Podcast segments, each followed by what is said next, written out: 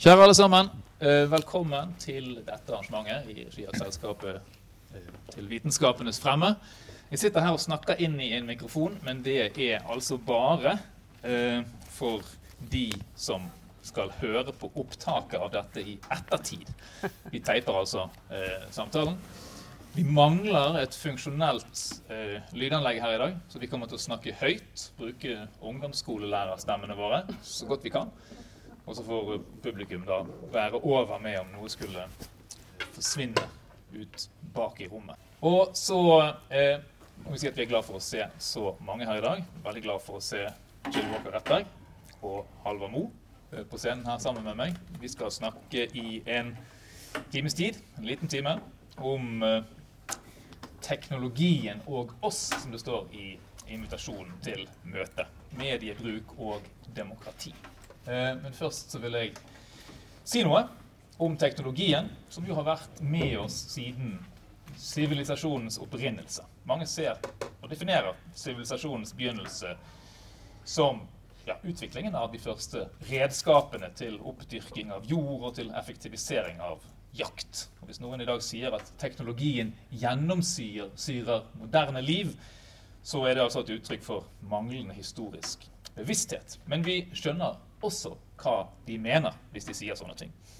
For selv om det nesten alltid har vært sånn at teknologiske nyvinninger fører til en slags inflasjon, så har den digitale revolusjonen ført til så mange og så raske endringer at det savner historiske sidestykker.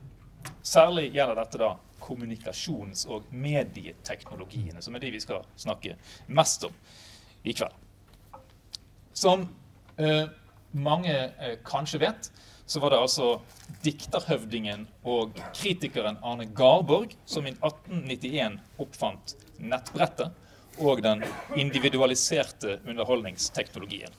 Dette skjer på de aller siste sidene av dekadanseromanen 'Trette menn', der vi får høre hvordan sosialiseringen i fremtiden kom til å se ut. Med hver og en av oss parkert foran, som det står i romanen, hver sin telefon og sitt skjermbrett som han da kaller det, innsunket i seg selv eh, foran den for anledningen valgte eh, underholdning.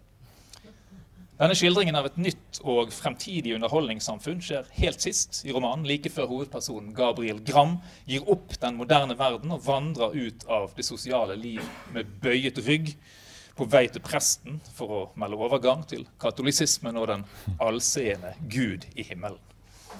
Det er også en pessimistisk eh, utgang som skildres, med fellesskapets delvise opphør, som jo sammenfaller med 1890-tallets voksende vekt på individualisme og psykologisering. 'Trette menn', Garborgs roman, er sånn sett også kanskje en slags variant av Richard Sennett sin eh, fallende 'Public Man' i det pessimistiske verket fra 1877 om offentlighetens forfall. Og i en mediehverdag av falske nyheter, uoversiktlige nye medier og smarte teknologier er det fort gjort å bli skeptiker. Hvem er egentlig avsender av nyhetene som når oss i strømmen? Hvordan virker de, disse algoritmene som sorterer informasjonen for oss? Hva skjer når vi gir maskinene muligheten til å styre valgene våre?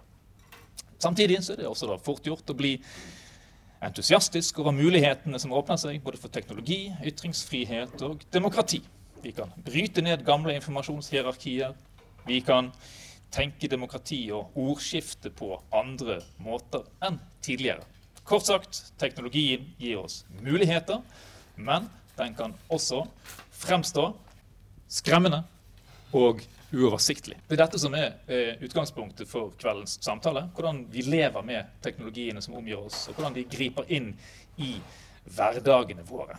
Og med oss da har vi eh, Jill Walker Rettberg, som er professor i digital kultur ved Universitetet i Bergen, som eh, da også leder et eh, stort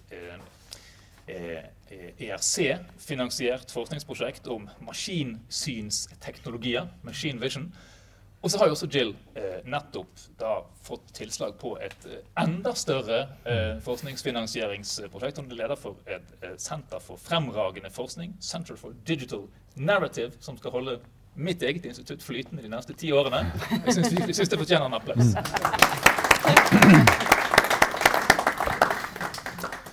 Halvard Mo, ved siden av her, han er professor i eh, medievitenskap ved Universitetet i Bergen. Han har forsket mye på hva mediene betyr for demokratiet. Han har eh, forsket på hva algoritmer er. I alle fall på hva, hvordan vi oppfatter hva algoritmene gjør for noe. Eh, og så har han også eh, han fått tilslag på et stort europafinansiert forskningsprosjekt om medie- og informasjonsberedskap. Mm. Eh, så dette har jeg tenkt å eh, Ja, det kan vi også. Men da vil jeg begynne først med å spørre uh, våre to panelister. Da. Jeg begynner med Jill. Hva, hva, er machine vision? Hva er maskinsynet, maskinblikket for noe? Ah, Grunnen til at jeg begynte å tenke på det prosjektet, var vel egentlig da niesen min, som da var 15, viste meg eh, TikTok. Eller det var helt vel noe annet den gang. Men det å se disse bildene av sitt eget ansikt som blir forvrengt, og så er det ustyrtelig morsomt. Um, så det har fascinert meg i alle år, hvordan vi bruker teknologi for å, for å fortelle om oss sjøl, for å forstå oss sjøl bedre som en dagbok, som en kommunikasjonskanal, for å fortelle med på veldig mange forskjellige måter. Sant? Så Maskinsynsprosjektet, der er jeg interessert i, i hvordan visuelle teknologier, mest de med algoritmer, ansiktsgjenkjenning um, Sånne algoritmer som kan gjenkjenne om du er sint eller glad, om dere følger med på meg nå. F.eks. jeg har et sånt lite kamera skjult her. eller, um, og, og, eller, droner som, som, søker rundt på oljeplattformer og gjør alt mulig. Satellittbilder som viser oss hele verden. Um, så det jeg er interessert i i dette prosjektet, er å forstå mer om hvordan disse nye visuelle teknologiene påvirker måten vi forstår verden på. Um, og så har jeg vært fascinert av hverdagslivet. Selvsagt kunne man forske på disse dronene og oljeplassene, og Det håper jeg. Det, gjør, nei, det er kanskje ikke den typen beredskap du forsker på. Um, men jeg er veldig interessert i hvordan det påvirker oss som, som mennesker. Og eh, med maskinsyn så mener jeg altså Det som er mest oppe i dagen i dag, er jo disse algoritmiske visuelle mediene. Altså det at et, et eh, kamera kan nå gjenkjenne ditt ansikt, og, um, eller skape et bilde som ligner på deg, eller en deepfake som viser Putin si noe han faktisk ikke har sagt. Um, men så syns jeg også det er veldig viktig å ta med seg historien. og eh, Skjermbrettet, f.eks. Mm. Uh, til Arne Garborg. Um, for disse teknologiene vi skaper, de har jo kommet ut av drømmer og ideer og romaner og fiksjon. Um, allerede Aristoteles, som uh, vi, vi, fikk beskjed om vi ikke måtte skrive på X-Fill. Uh, men grekerne hadde jo faktisk um, ideer ikke bare om guder som var fiksjonelle, men også om roboter som ikke var født av mm. mennesker. Sant? Um, disse Hefastos som lagde automatoner og osv. Så, videre, så det, det, er en veldig veldig lang tradisjon hvor mennesker har, har, tenkt på hvordan teknologi kan hjelpe oss. Og Det fører også på en måte over i um, SFF-en, dette Senteret for fremragende forskning, som ikke handler om det visuelle, men om fortellingen, som jo er en av våre eldste måter å forstå verden på. Noen vil kanskje til og med kalle det en teknologi. Kanskje å ta hardt i. Man kan diskutere det. Um, så senteret, der skal vi forske på hvordan, um, hvordan um, det at fortellinger nå blir digitale, påvirker fungerer. Hva, hva, slags fortellinger skaper vi? Endrer det måten vi forteller på? Endrer det måten vi bruker for fortellinger for å kommunisere, for å forstå hverandre? Um, og det, den, altså nå, Jeg skal lede det sammen med Scott Rettberg, som er min kollega og ektefelle. Hendig nok. Uh, men uh, de første fem årene det er han som leder, og da, da, skal jeg fokusere mest på hvordan fortellinger fungerer i sosiale medier. Um, og der er det jo veldig, det, det, tenker jeg også har en del med denne debatten vår å gjøre. For fortellingene for eksempel, som har blitt spredt om ehm, ja, f.eks. koronavaksiner, at de er trygge. Vi hadde ikke klart å komme opp med en vaksine uten en slags uten den kommunikasjonen, um, hvor du faktisk får en million mennesker til å samarbeide om å utvikle en vaksine, om å distribuere, om å overbevise befolkningen om å ta den. Og Samtidig så har du jo konspirasjonsteoriene og antivaksinasjonsfortellinger. Um, så jeg tenker at det å, å, å forstå det egentlig ut ifra den veldig gamle humanistiske ideen om en fortelling som blir spredt, og hvordan det fungerer i dag, at det kan være veldig spennende. Takk skal du ha. Dette passer veldig fint å pense det videre til, til Halvard sitt, for det er jo dette du skal forske på. Mm. Hvordan mennesker skaffer seg informasjon i krisesituasjoner. Mm. Fortell litt om, om den pågående og fremtidige forskningen din. Ja, takk. Ja, altså jeg er, jeg er, medieforsker og jeg er jo samfunnsviter, så jeg holder til på Samfunnsvitenskapelig fakultet. Og det jeg er opptatt av i forskningen min, er hvordan mediene virker i demokratiet. Og så har jeg valgt å studere det gjennom å studere mediebruk.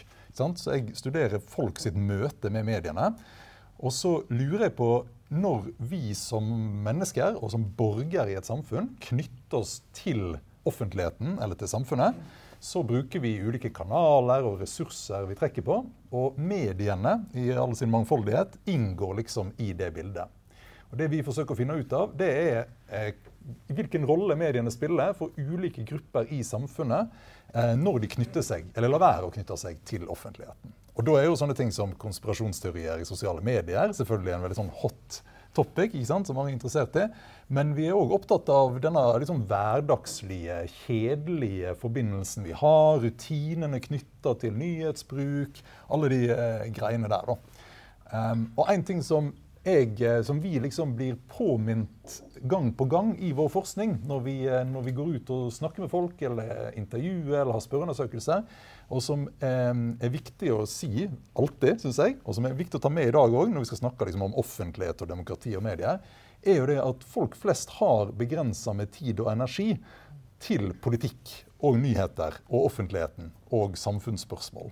Eh, og kanskje særlig for sånne som meg, som omgår statsvitere og journalistikkforskere, og sånn, så er det viktig å huske på det. At det er ikke alle som er nyhetsnerder og politikknerder. Eh, og det er et viktig eh, utgangspunkt å ha da, når man liksom skal forstå hvordan liksom, folk sin bruk av disse duppedittene og sosiale medier og mobiltelefoner og alt mulig inngår. Så hvis jeg skal si det bare kort noen av disse prosjektene da, eh, vi har, vi, Med denne generelle interessen for hvordan folk knytter seg til offentligheten, så har vi hatt eh, ett prosjekt gående. Og det der ERC-prosjektet som du nevnte, Eirik, det er da en slags videreføring av det.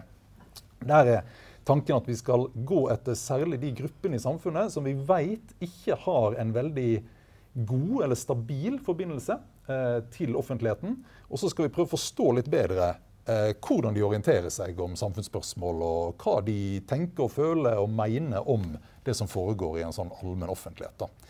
Eh, I tillegg så forsker jeg sammen med min eh, kompanjong eh, Brita Ytre-Arne på krisekommunikasjon, som du sa. Og da er vi eh, egentlig eh, Det er et prosjekt som egentlig springer ut av en mild klimaangst.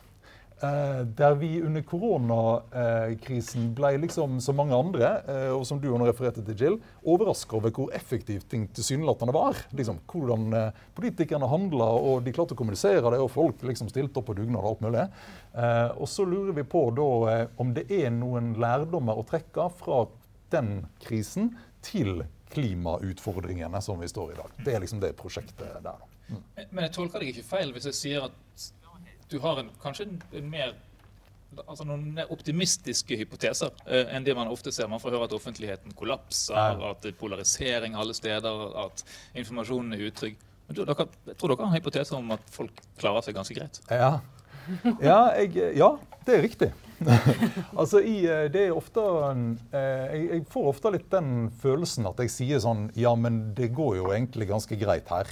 Eh, og så må man ta litt forbehold, da. sant? Eh, og eh, når, Hva er det jeg mener når jeg sier at det går egentlig ganske greit? Det jeg mener å si da, er det at hvis vi sammenligner eh, det samfunnet vi lever i i Norge i dag, eh, med liksom tidligere tider, og, ikke, og særlig andre land sant, i verden, så står det relativt bra til her. Når det gjelder den type informasjon vi har tilgang til som borgere, eh, den, eh, de mediene vi har, den journalistiske uavhengigheten de nyter, eh, de økonomiske rammevilkårene og liksom de andelene av befolkningen som er, virker relativt godt knytta til samfunnet. kan du si. Sant? Så er det selvfølgelig noen grupper det ikke funker så bra for, eller som liksom gir grunn til bekymring. Og Det kan vi jo godt komme tilbake til. Men, men, men liksom den allmenne diagnosen min er liksom at sant, falske nyheter eh, sånn deepfakes og alt det forferdelige som disse teknologiene kan brukes til, virker ikke å være et veldig påtrengende problem for nordmenn flest i dagliglivet. Liksom. Eh, for å ta et konkret eksempel. Mm. Jeg har lyst til å stille et, et, personlig spørsmål til dere begge to. Eh, Jill, du har eh, jo en ganske stor, tydelig tilstedeværelse i sosiale medier. Mm. Eh, det har du vært omtrent siden mediene ble sosiale. Eh, Jill skrev bl.a. den første større internasjonale forskningsstudien om blogging. Første bookingversjonen kom i, i 2008. Mens du, Halvard, du har en ganske begrenset eh, offentlig social media presence. I hvert fall ut fra det jeg kan se. Det er vanskelig å finne deg på Facebook eller andre. Er det, noe, er det spesielt gjennomtenkt, en dypere tanke under det? Ja, du spør meg? Ja, først. Ja, ja, Men du må jo spørre henne først. For nei, nei, nei. Nå er det jeg som er den rare, sant? Ja, selvfølgelig. Ja. Selvsagt. Ja, ja, det er. Du deltar ikke. Ja, nei, deltar ikke. Ja, jeg slutta å bruke mediene da de ble sosiale. Ja. Nei, altså, du har helt rett. Eh, og det er nok eh, jeg, har ikke, jeg har ikke en veldig tydelig sosial medietilstedeværelse som medieforsker, i hvert fall. Og som, som i, i, min jobb. Eh, og det er et bevisst valg. Og det handler for min del mye om Eh, tidsbruk, rett og slett. da. og eh, at jeg, som jeg tror en del andre, opplever at eh, de folka som lager sosiale medier, er kjempegode til å lage det på den måten at de trekker meg bort ifra forberedelser til undervisning, skriving av bøker, sensurering av eksamener og andre viktige ting som jeg må gjøre i min arbeidstid. Men noen får det jo tydeligvis til, da. Ja, kom an, Si litt om det, Jill. For du bruker også sosiale medier, eller har brukt de også som forskningsverktøy? Ja, jeg har det. Altså, jeg, av og til tenker jeg altså, Twitter kan jo være utrolig irriterende. Folk krangler, og de er bare åh, Av og til kan man bli gal av det. Men jeg får så mye bra ut av det at jeg aldri klarer å slutte. Fordi at jeg får vite om nye ideer, jeg kommer over eh, Eh, bøker jeg ikke kjente til, forskere som holder på med ting jeg ikke visste om. Jeg får spredd ting, um, og veldig ofte det jeg skriver, er gjerne spørsmål. Sant? Her er noe, og så kommer noen andre med det, Da jeg begynte å blogge Jeg tror kanskje jeg var den første forskningsbloggeren i Norge for 20 år siden. Mm. eller noe sånt sprøtt.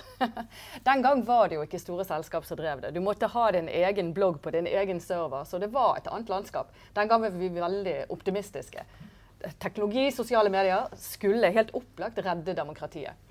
Um, er, det no, er, det en optimisme som har falmet noe for deg? Ja, men vet du hva? Det siste har jeg tenkt at vi må bygge opp håp igjen. Vi har liksom Ja, på begynnelsen av 2000-tallet så var jeg veldig, veldig optimistisk. Sosiale medier kommer til å ødelegge alle de autoritære regimene, og alt kommer til å bli bra. sant? Um, og det, slik gikk det jo opplagt ikke med Facebook og Twitter og disse monopolene som egentlig styr, har veldig mye makt. En veldig farlig måte. Um, men samtidig så er det jo veldig mye bra der ute. Altså, jeg tenker at det Alle de som faktisk bidrar, som deltar 14-åringen min leser fanfiction og deler tegninger på, på internett. Altså, det er jo faktisk helt fantastisk at, at 14-åringen leser romaner skrevet av andre 14-åringer. Jeg håper hun også leser litt Ibsen, men det er bedre enn å ikke lese noe.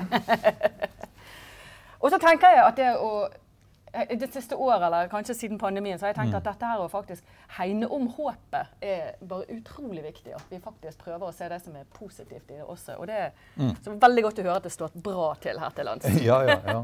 Altså, nå har dere allerede svart på noe som jeg tenkte skulle stille som et spørsmål. Altså, nemlig om, om, om teknologien og sosialiseringen av mediene for å si det sånn, har gjort det lettere å delta i mm. det offentlige ordskiftet? Nå stiller jeg det som et spørsmål. Mm.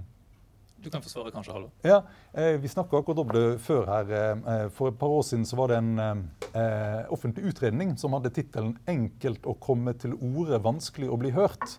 Og Det syns jeg var en bra tittel, og det oppsummerer det ganske godt. For det er jo kjempelett å delta, eh, i den forstand at alle kan ytre seg på et eller annet sted. Men om det, det betyr absolutt ikke at du liksom blir hørt eller, eller kommer i dialog med noen. eller sånt. Så og her finnes Det jo, sant? det finnes masse forskning på dette, og det er en stund siden jeg eh, fokuserte på det. Men når jeg har studert bruk av sosiale medier til politisk debatt, så eh, har jeg funnet at det er noen få sant? Eh, som vi godt kan tenke oss hvem er. De ligner f.eks. på deg og meg, som er særlig ivrige, eh, og som eh, blir hørt. Da? Og det er folk som har en posisjon utenfor sosiale medier.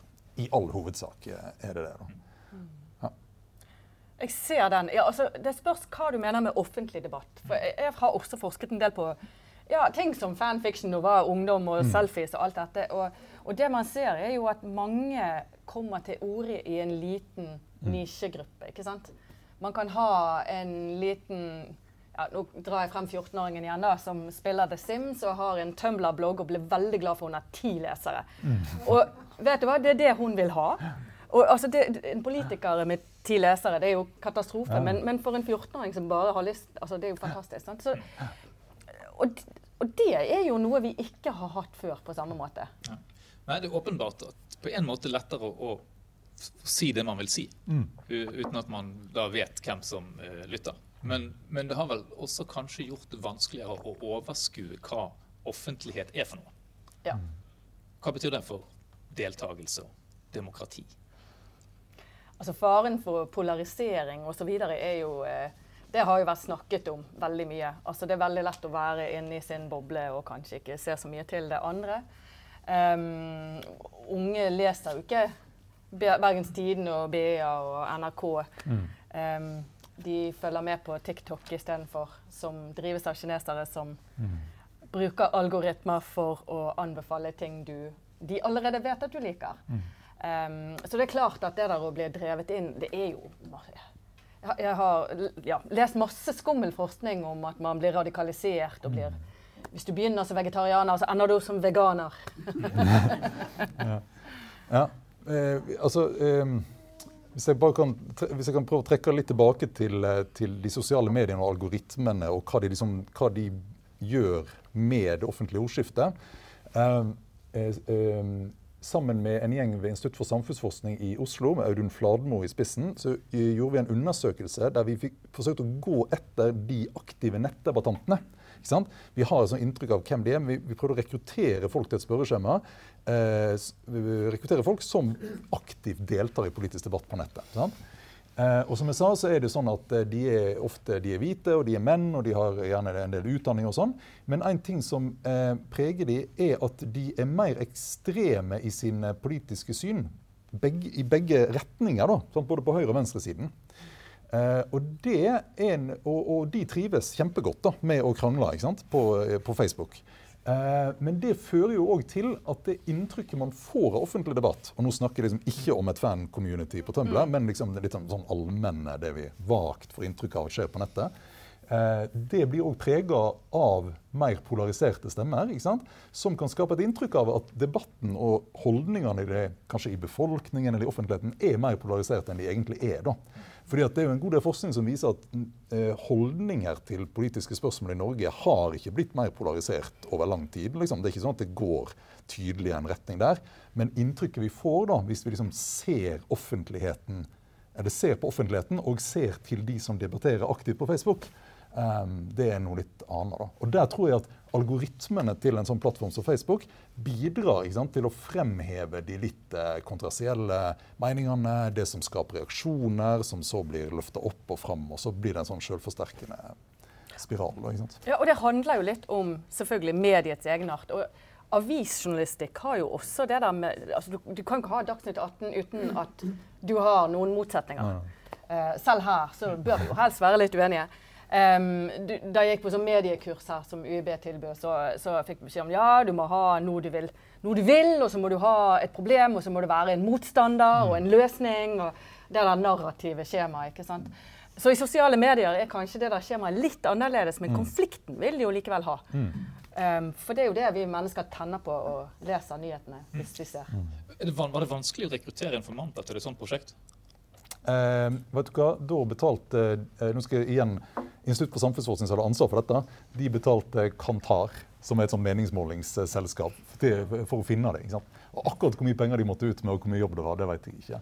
Men jeg vil, jeg vil tippe, altså min erfaring er jo at eh, eh, de fleste som er glad i å ytre seg på Facebook, svarer gjerne på spørsmål fra samfunnsforskere òg. Altså. Det, er ikke noe- det er ikke noe særlig problem. Eh, det er det ikke. Men det er noe med anonymitet. Eh, Dere husker kanskje eh, dette svenske dokumentarprogrammet med Robert Aschberg, denne programlederen som gikk rundt og sporet opp nettroll. Banket på døren og konfronterte en eldre frue med grusomme ting hun hadde skrevet på nettet. Hun ble enormt sjokkert over at de hadde funnet henne. Ja, men Jasko var anonym! Ja. Altså at man tror at anonymiteten er noe som, som er større enn den er, da. Mm, ja. uh, og jeg har tenkt at kanskje vi må snakke litt om GPRD, ikke det dette? Er det riktig rekkefølge? GDPR. GDPR. Ja. Dette, dette, disse skjemaene som eh, vi bare klikker oss uh, pliktskyldigst igjennom når vi skal åpne en nettside vi ikke har vært inne på før. Eh, og som er bare blitt en slags irriterende, eh, irriterende liten sånn ekstra stopp. Som jo selvfølgelig også da er noe mye mer og mye mer eh, prinsipielt. Eh, fordi disse algoritmene, de, de passer jo på oss. Mm. Eh, tror dere folk er klar over hva som egentlig eh, skjer når algoritmene samler inn informasjon? Altså hvor mye de kartlegger med de bruken vår? Jeg tror folk har begynt Ja, faktisk så tror jeg folk, veldig mange har begynt å skjønne det. Og det der er gjort litt forskning på det der med sånn chilling effekt av, av um, innsamling av dataene våre. Hva, hva har det å si for ytringsfrihet, f.eks.? Og det er vanskelig å forske på det. Men det var gjort for eksempel en studie etter Snowden-avsløringene hvor det ble, ble avslørt at det var veldig mye mer overvåkning enn man kanskje hadde håpet. Etter det, Og så, sjekket de eh, hva folk redigerte på Wikipedia i månedene etterpå det, etter det. Og det var et skifte. Det var mindre kontroversielle redigering, redigeringer, eller hva man sier, på, på Wikipedia etter det. Og det, var, det har vært et par andre for, um, undersøkelser av den typen som, som tyder på at folk Det er ikke det at man slutter å snakke, men man, man redigerer litt mer. Man, man, eh, man oppfører seg litt annerledes. Man klikker kanskje ikke videre på alle websidene. ikke sant? Um, så det tror jeg faktisk har noe å si. Ja, det tror jeg òg. Eh, og, og sånt, eh, det er noen amerikanske forskere som har eh, lansert begrepet digital resignasjon. Eh, og det syns jeg er et godt, godt og beskrivende. Og det det handler om, er at når du møter liksom den der eh, de her eh, plakatene som du skal klikke på, eller GDPR, eller skal forholde deg til hva det egentlig er som samles av cookiesen og sånn, så, så eh, sant, du løfter hendene og, og bare gir opp i møte med liksom en, en, noe du ikke kan unngå, en overmakt som du ikke klarer å gjøre noe med. Da. Eh, og Det er klart at det er et problem. ikke sant? Vi har, vi har gjort for noen år siden nå, forskning der vi spurte folk hva de mente var positivt og negativt med medienes bruk av algoritmer. Og så hadde vi sånn åpent, man kunne skrive det man ville. da. Så prøvde vi liksom å sortere og analysere de svarene. Og en ting som, og det funker ikke så bra i en sånn panelsamtale, for vi, vi understreker liksom at det er begge deler. ikke sant? Det er noe sånn eh, mot det, både det ene og det andre. For at folk syns det er sånn, fem da, sånn fremtredende beskrivelser eller teorier om hva algoritmene gjør. da, sant? Hvis jeg kan dra gjennom de. Skal jeg prøve om jeg har det. da. ned her. Ja, du har det. Kan du sjekke på. ja, kan du sjekke. Eh? Det ene er jo da dette at de oppfatter det som overvåkende. Ikke sant? Og det er et problem, og de syns det er ubehagelig. Men så er det sånn at eh, de syns òg at algoritmene er liksom dumme og, eh, og eh, forenklende. Men, og, det, og det er liksom irriterende å bli, føle at man blir putta i en boks som en kategori der man ikke syns man hører hjemme, bare fordi du tilfeldigvis søkte etter en gave til din samboer. Liksom, så tror plutselig algoritmen at det bare er det du er opptatt av. Um, så det er en irritasjon. ikke sant? Men samtidig så syns folk at eh, algoritmene er liksom skumle og litt sånn eh, ugjen, uforståelige og ugjennomtrengelige. Og de sniker seg liksom etter deg eh, rundt på, på nettet uten at du helt veit det. Så den er liksom både dum og skummel. Um, og så er det dette med at folk uh, uttrykker også at de føler at algoritmene begrenser deres um, informasjon. da, altså At man, man opplever at du får mer av det samme. Ting som passer til ting du har valgt fra før. Og du, f- de fø, folk føler at de går glipp av ting fordi algoritmene styrer de i, i visse retninger. Eh, samtidig, og da kommer den siste da, så samtidig som det er liksom irriterende at man går glipp av ting, så syns man også at algoritmene er ganske praktiske. For de gir jo noen ganger målretta reklame som funker. sant? Hvis du er på jakt etter vaskemaskin, så er det jo praktisk hvis det kommer liksom opp saker om vaskemaskiner. da. Du kunne godt sluttet når man hadde kjøpt den vaskemaskinen. Nettopp. Da kommer det med dumheten din. Helt enig. ja. Men det fins jo også potensial for å altså Man tenker kanskje at man kan manipulere Ja. algoritmene. Ja. Man kan spille inn ting, og så skjer det overraskende. altså Man kan leke med dem. I hvor stor grad er det den tanken et utslag av naivitet? Et godt spørsmål. Dette vil, du kanskje si noe om, Miel. Men jeg, eh, senest i går så eh, veileder jeg en student som skal ut og undersøke hva studenter, altså andre unge mennesker, syns om algoritmene. Og da var en av de tingene hun var opptatt av, altså studenten, var eh, i hvilken grad akkurat de liksom prøver å lære opp algoritmen til noe. Og, eh, om det funker eller ikke, det, det avhenger litt av de konkrete algoritmene og sosiale medier òg, da. Ikke sant? Men dette Jo da, en, en av spendiatene på prosjektet mitt, Marianne Gundersen, forsker på TikTok. Og der er det en, en stor greie. da, Hvordan um, folk prøver å rett og slett trene algoritmen til å vise den, de videoene de gjerne vil ha. Men uh, det er forskjell på algoritmer og algoritmer. sant? Det ene er liksom OK å trene opp TikTok-algoritmen sin liksom, liksom som en snill hund eller noe sånt. Ja, ja, ja. Og det andre er vaskemaskinreklamen og sånt. Eh, Jeg vet ikke om dere så at Personvernkommisjonen ga ut eh, sin eh, ja, Det er vel en NOU forrige uke. Og et av forslagene deres er å forby målrettet reklame, eller sånn personlig profilerende reklame i Norge. Og det er jo et ganske, ganske sterkt forslag, syns jeg. Jeg var imponert over at det forslaget kom. Ja. Ja. Nå avbrøt Jeg gjør det. Jeg er klar. For det jeg skulle si at, at du, skal sies at du var, har vært med i det arbeidet tidligere. Jeg var med i starten, så måtte jeg trekke meg, og så kom Brita Ytre Arne inn Yes. istedenfor. Men det jeg skulle si Mm. var at akkurat, Det var en kommisjon eh, som var enig om alt, utenom akkurat det spørsmålet der.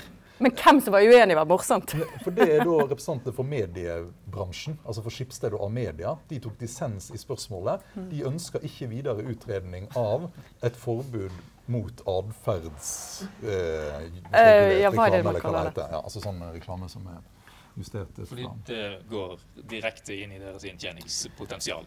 Ja, alle, det- ja. alle, alle juristene og, og Medieviterne og ja. Men sant, det hvis man skal prøve å sette seg i Skipsteds uh, sko, da, så vil vel de kanskje si det at eh, hvis det kommer et, for, et sånt forbud i Norge, så vil det ramme Skipsted, og det vil eh, ramme Amedia og lokalaviser. Eh, og så vil eh, Facebook og Google, eh, der de sitter i Irland eller hva det er med serverne sine, liksom styre utenom det. Eller. De vil jo ikke bli på en måte prega av det. da. Eh, Kanskje man forbyr at de målretter reklame mot mennesker i. Norge, da? jo, Kanskje kan man det. Jo, Jo da. Så kan hele EU bare forby det. Ja, da har vi reddet verden, Eirik.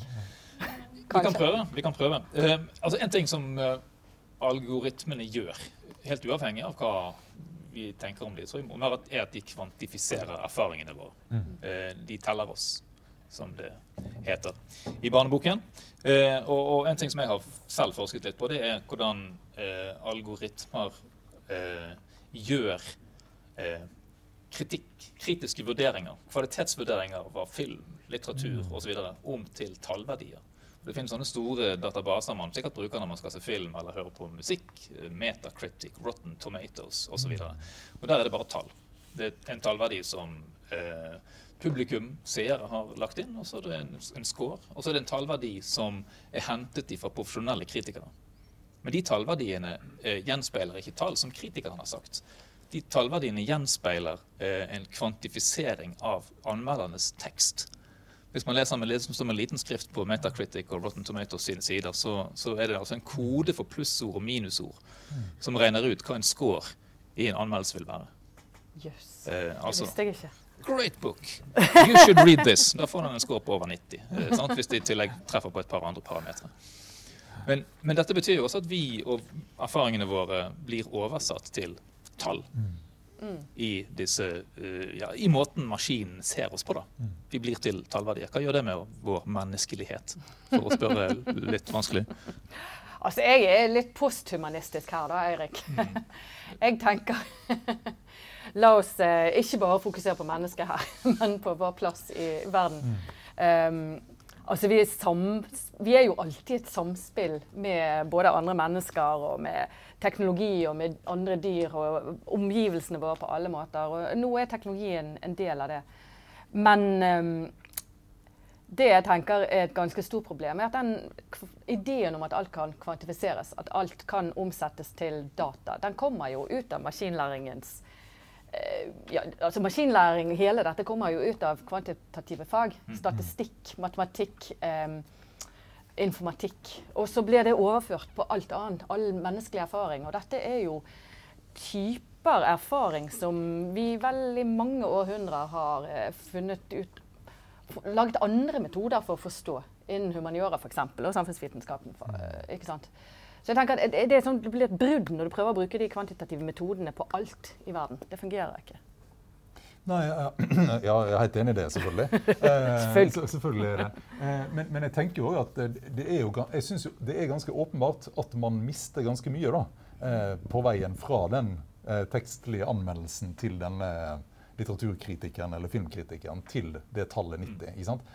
Eh, og, og sånn eh, er det jo med veldig mange deler av menneskelig atferd som eh, som kvantifiseres. Eh, eh, ikke sant? Det, det er det jo. Men så tror jeg òg sånn, For at, um, jeg tenker at um, det, det, eh, det vi gjør, gjøres om til tall for at det kan bli data som kan uh, mates til uh, algoritmer, sånn at man kan uh, gjøre noen analyser eller finne ut av noe og predikere noe atferd. Sånn at man kan tjene penger på det. Så vi må liksom ha med at det ligger under en forretningsmodell her da, som er helt avgjørende for at dette drives framover. Det er liksom ikke bare, tenker jeg, algoritmene som gjør det, men det er noen bak der som har noen uh, interesser, da, ikke sant? Og som, uh, som uh, pusher på. Det, det er vel på en måte logisk at vi da forsøker å enten humanisere eller levendegjøre disse algoritmene. Altså At de blir til en slags sånn mystiske størrelser som driver på med ting. Men det sitter alltid en programmerer i andre enden. Jo, men det er jo ikke Eller lager algoritmene seg selv? Det er et spørsmål om det finnes eh, kunstig intelligens. Nei, intelligens er det jo ikke. Men, men disse algoritmene er jo trent opp på enorme datamengder generert av mennesker. Vet, har dere lekt med den der OpenAI og Dali og alle disse hvor du kan skrive inn en tekst?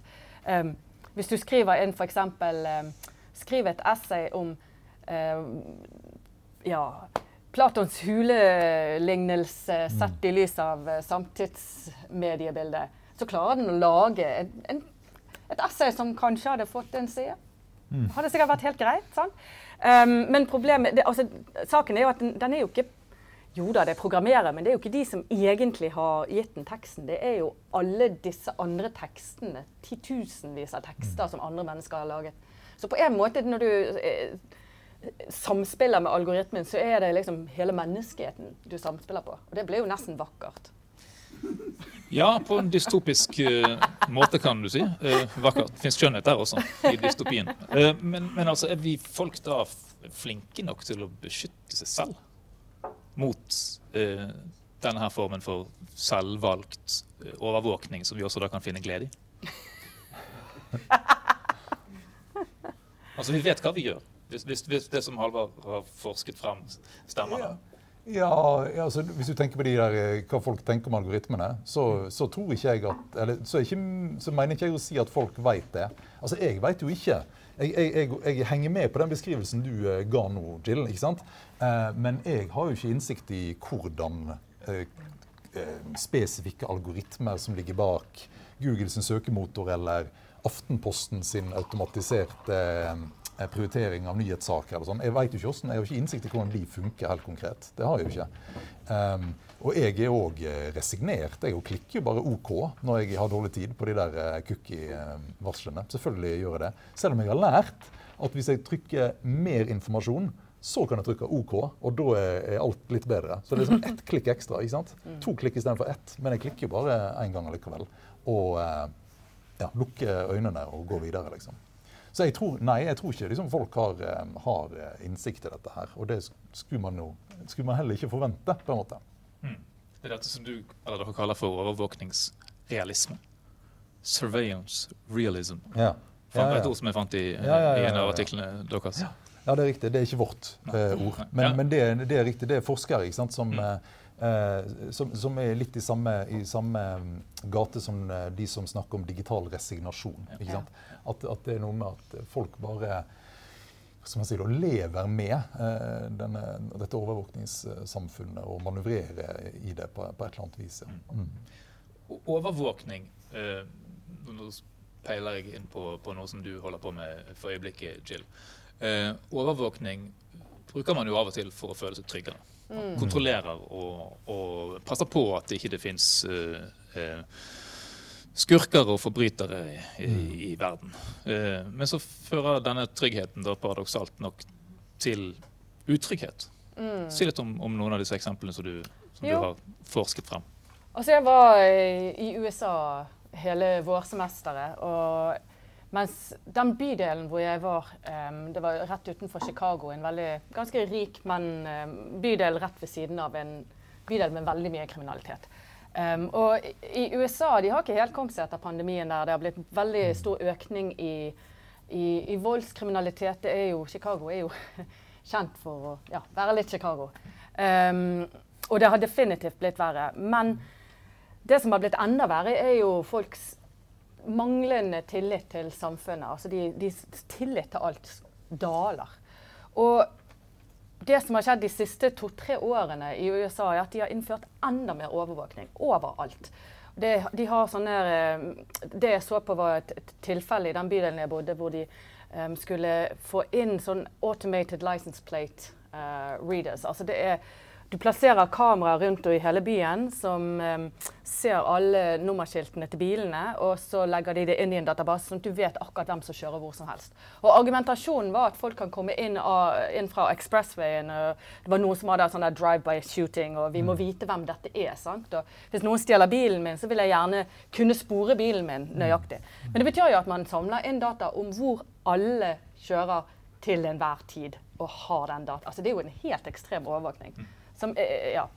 Um, men det som var interessant å se, var liksom hvordan folks redsel bare drev denne det, det var en debatt. Det var en god del som sa at dette her er ikke lurt. Um, men redselen til folk, den, den bare vant over for dette. Og de har sånn her um, dørklokkekamera. Er det noen av dere som har sånn dørklokkekamera? Ja, Altså, det fins jo her, men de er ikke koblet sammen i et nettverk. Det er et sånn har. du? Men du har ikke den der eh, appen Neighbors, hvor du kan liksom dele videoene med naboene dine? Kanskje naboene mine har. Altså, når jeg, når jeg, nei, jeg tror ikke den er tilgjengelig i Norge, heldigvis. Så jeg meldte meg på den her appen for å undersøke hvordan det fungerer. Sant? Og, og, og det er jo, altså, Du kan bli livredd av mindre. Herregud, så mye kriminalitet som skjer. Og så står det 'right near you'. Oh, a shooting. Oh, her var det noen som fikk bilen sin stjålet. Og her er videoen av de som fikk bilen sin stjålet mens de holdt babyen sin. Og, bare sånn, og så ser du liksom, når du ser veldig nøye etter at det var ti kilometer borte i den veldig farlige Ja, ja, det er jo ikke så langt, da. Um, men, men poenget er at alle disse mediene her, de bidrar til Altså, vi deler mer, vi gjør hverandre enda reddere. Og det er jo masse forskning som viser at jo mer um, voldskriminalitet du får, du viser i media, jo mer redde blir folk. Og, altså, det er en ond sirkel det der, ikke sant? Um, og i Chicago så ser du også at, um, at politikerne håndterer den økende voldskriminaliteten ved å si at vi skal ha mer overvåkning, mer datadreven. Um, og, så de, du får um, tilskudd for å installere flere sikkerhetskamera i, utenfor huset ditt som peker ut mot gaten, som du deler med politiet. Um, det har skjedd veldig mye på de siste to-tre årene. så det var Det, det er altså frivillig valgt eh, overvåkning som man da driver nærmest entusiastisk med. Ja, veldig. Det fins vel tilsvarende mekanismer på de sosiale mediene også, tror jeg man må kunne si. Altså, sant? Det, det er et element som dukket opp i løpet av ja, i hvert fall noen av de siste årene. Det er at folk driver og tar skjermbilder av andres ytringer for å dokumentere dumme ting som andre har sagt. ikke det også en form for, en form for overvåkningsakselerasjon eh, eh, i spillet? Jo, det, det, det er det jo. Ja. Um, så kan det jo noen ganger være bra at de gjør det, da, kanskje. Eh, Det kommer litt an på hvem de tar skjermbilde av. For er det vel OK hvis det er personer med mye makt og eh, sentrale posisjoner i, i samfunnet. Ehm, jeg bare si, eh, sant, en ting, Det du forteller om USA, det er jo, er jo skremmende ikke sant? og nedslående. Eh, og så er det jo et samfunn da, som har noen store problemer med tillit. Ja. eh, Rent sånn generelt. ikke sant? Det handler ikke bare om teknologi. Nei, det gjør ikke det. Eh, så det er jo viktig å ha med. Men, men, men spørs, ja, så kan man selvfølgelig diskutere skal vi forvente at noe sånt kommer til Norge hvis verden går videre eh, på den måten det gjør nå. Men, eh, men eh, eh, det, jeg skulle, jeg tenkte jeg skulle si til deg, Eirik, om eh, skjermbilder i sosiale medier. Eh, ja, det er jo en del av eh, overvåkningen. Og i en av våre studenter som, studer, som prøvde å finne ut av hvordan unge mennesker får tenke om overvåkning i sosiale medier, ble slått av at det informantene han snakka om, det var ikke liksom Google eller eh, NSA eller eh, PST eller noe sånt. Det var den, det de følte at deres eh, medstudenter og ekskjærester og bekjente dreiv med. Altså Det var den følelsen av liksom, at man må passe på hva man gjør fordi man kan liksom bli forfulgt litt eh, av noen som ikke vil en vel, som er ens eh, ja, jevnaldrende eller i samme omgangskrets. eller noe sånt da. Og da er det, det er liksom den, kanskje den type ting du snakker om der. Ja, som, det handler kanskje om personalisering da, av overvåkeren. ja. Altså Hvis du ikke aner hvem overvåkeren er, hvis overvåkeren er som, som, som du bruker som en metafor da, i, i, i eh, en bok som du holder på med, Jill, som jeg har fått, uh, fått se eh, Hvis det er en sånn Argus-skikkelse, eller et uh, tusen øyne, eller et panoptikon, eh, et allseende øye, hvordan skal man beskrive det fenomenet? Altså Det er en sånn abstrakt størrelse at man kan gi det et navn, men ikke noen, noen sjel, så å si. Der er um, um, Jeg fant en um, afrikansk sosialantropolog som skrev om, om dette panoptikomblikket, om overvåkningen, men fra det afrikanske perspektivet. Og det var jo, altså Man gjenkjenner litt sånne nabolagskjerringer sånn, som mm. følger med. Og den, um, altså Det blir jo mye det du beskriver, eh, med den forskjellen på det å kanskje bo i et samfunn hvor alle visste hva du drev med, som jo kan være veldig undertrykkende også, ikke sant? hvis ikke du passer inn. Um, mot dette her mer eh, abstraherte um, ideen. Men jeg synes det, var, det du sa om liksom, altså ideen om en stalker altså det, det er nabolagskjerringa eller eksen eller noe sånt som følger med. Det er jo ganske interessant. Og det passer kanskje med måten altså Man kan nesten føle seg forpliktet til å dele fine feriebilder og, og, og sånn som dette på sosiale medier. At det kan være sånn disiplinerende på den måten òg. Mens vi snakker om disiplinerende ting, jeg har tenkt vi skulle, vi har ti minutter igjen, uh, snakke litt om, om utdanningsinstitusjonene og, uh, og teknologien. Jeg er litt usikker på selv hva jeg tenker om dette, fordi vi har jo da fått en lang rekke med dere som uh, jobber i akademia, vet hva vi snakker om. En lang lang rekke med ulike plattformer som vi skal bruke. Eh, som studentene våre skal bruke. Og som registrerer aktiviteten vår på forskjellige eh, måter. Og eh, Hvilket betyr at studentene våre kan ikke lenger bare ta med seg en veske med bøker og så studere. De er bundet til en, en rekke med, med teknologier. Hva betyr dette for si, måten våre studenter kan fritt bevege seg rundt i kunnskapen på? Litt vanskelig spørsmål, men eh, Altså, Det gir jo fantastiske muligheter på noen måter. ikke sant? De får adgang altså Med open access-litteratur og sånn, så kan de få adgang til hele verden som, som et bibliotek. ikke sant?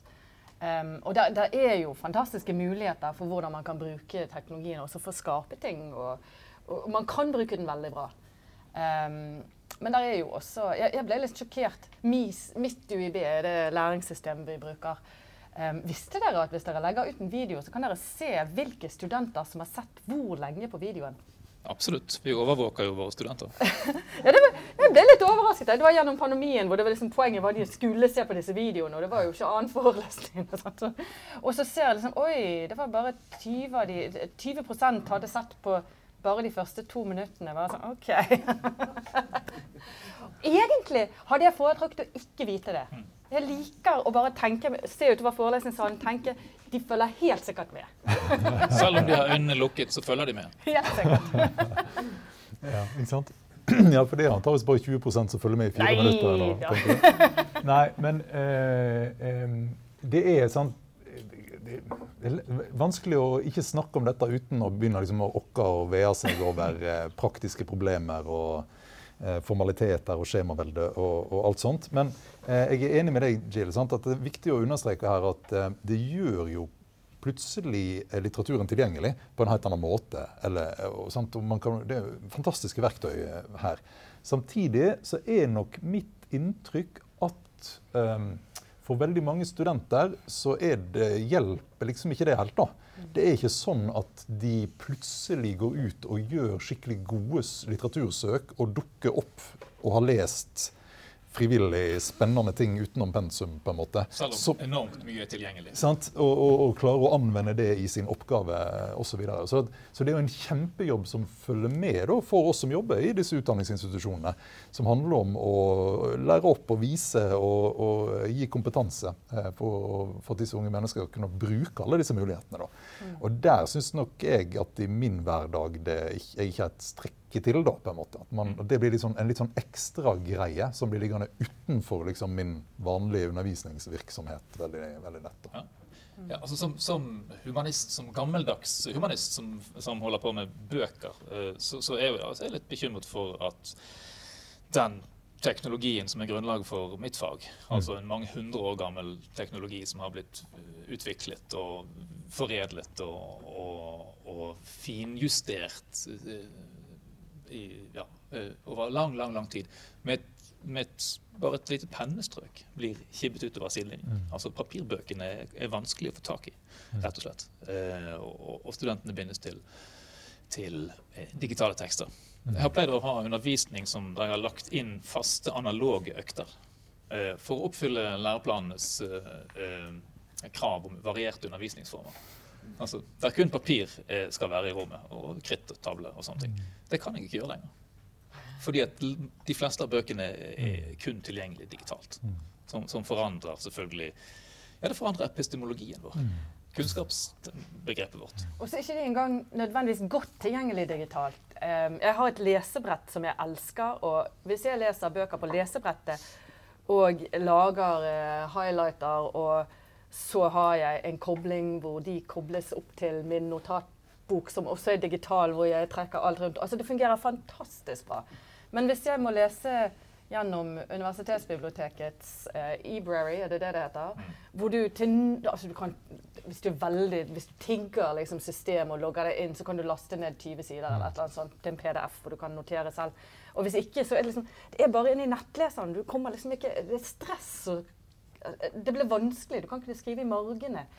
Um, så jeg, altså jeg tror mye av problemet er at det er ikke alle systemene våre som egentlig er de gode digitale systemene. Og, det jo, og, og så kommer du til studentene, som stort sett fortsatt bruker den PC-en de fikk på videregående i tre år før de begynte å studere, og i hvert fall ikke har lesebrett. Og så forventer vi at de skal lese tusenvis av sider på en gammel PC med dårlig skjerm. Altså, Så hvis bare teknologien var litt bedre ja. Litt bedre teknologi, så løser vi alle problemer. et, et, et, et annet eksempel som handler om epistemologien vår. da. Eh, Fra tid til annen så, så kommer det opp diskusjoner om eksamensformer. Hvordan kan vi best mulig vurdere studentene våre sin kunnskap? Og, og hvordan kan vi også legge opp til vurdering som òg er god læring? Og Da hører man av og til at kunnskapsspørsmål, altså det å teste hva studentene kan, breddekunnskap, det er helt meningsløst. Fordi all kunnskap er tilgjengelig.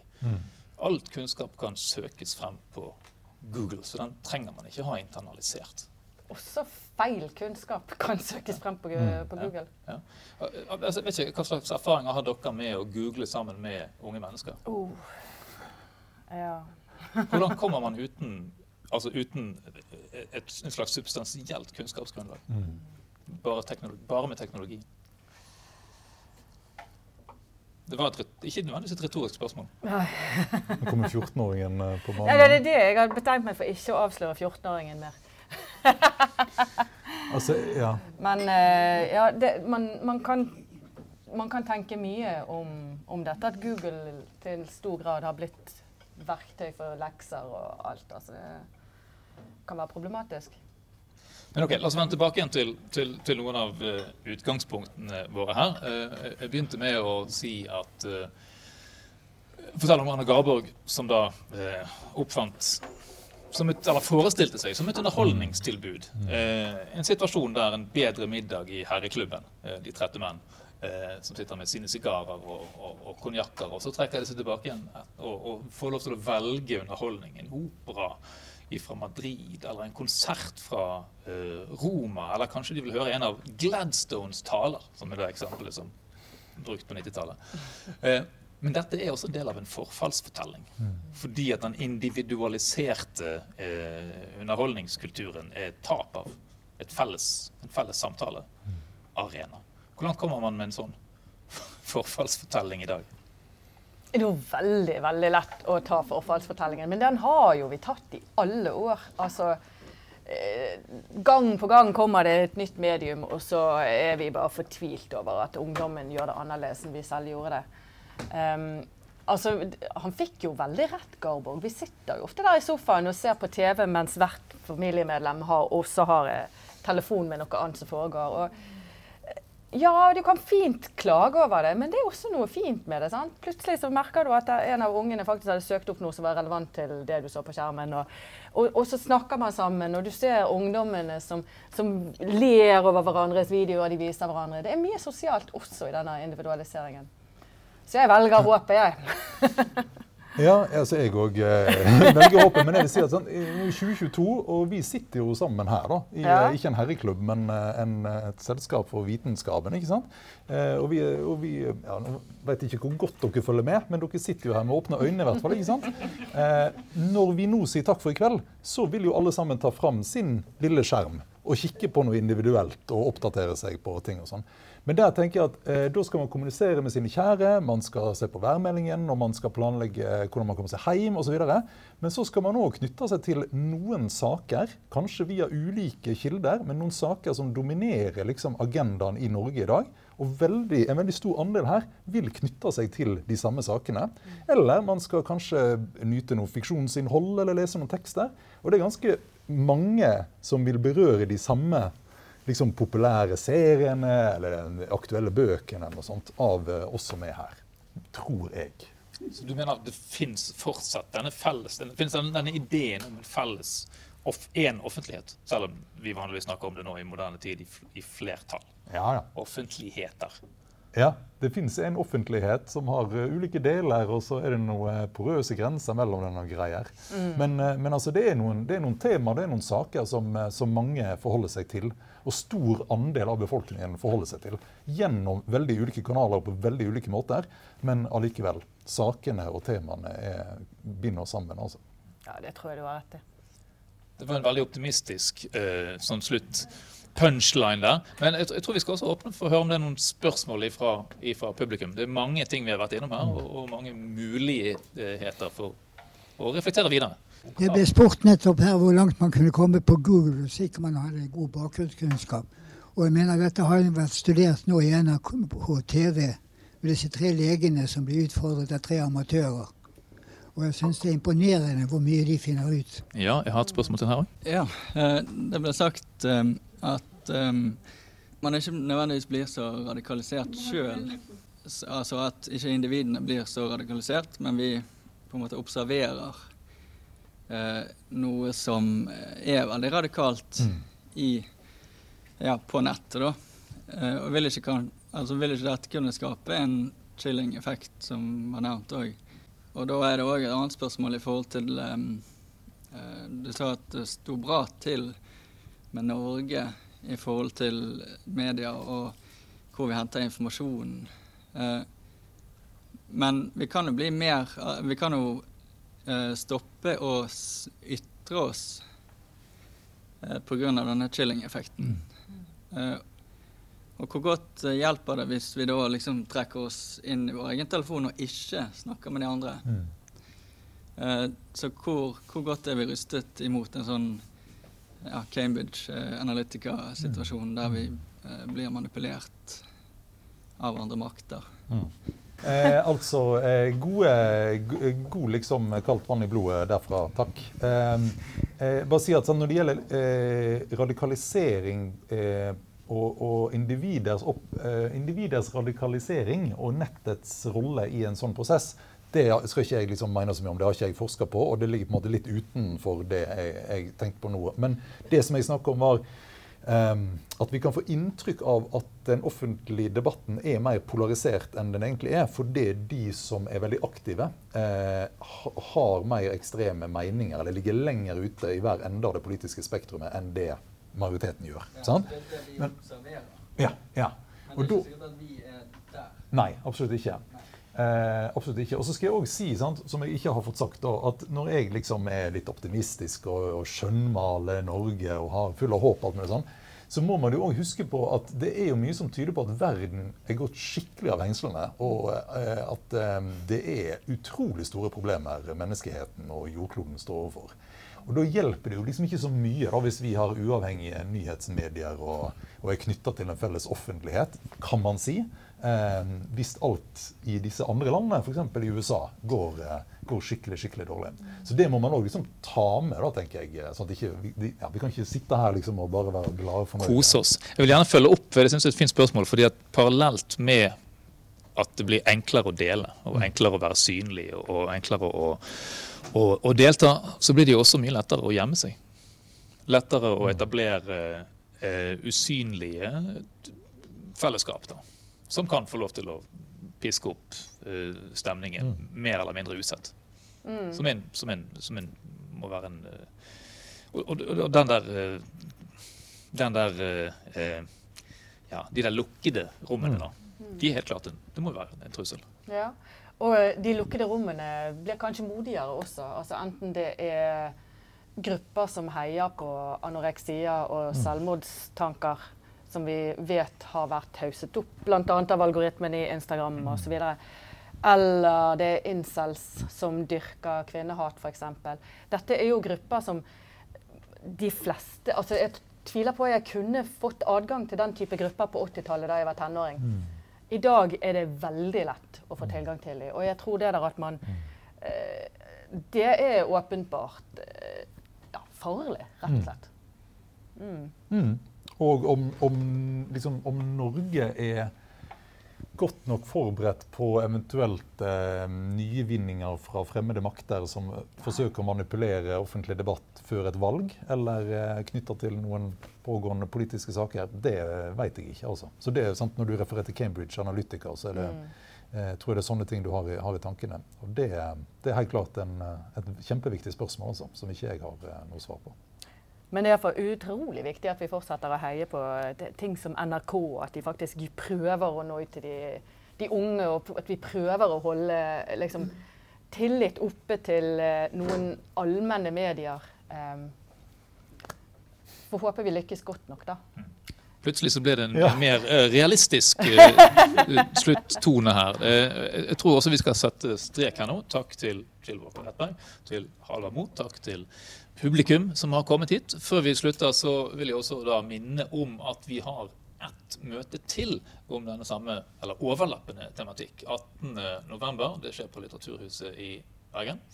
Eh, og da er det Lena Lindgren og Lars Nyre som setter hverandre stevne der. Ja. Takk for i dag, og uh, vel møtt neste gang.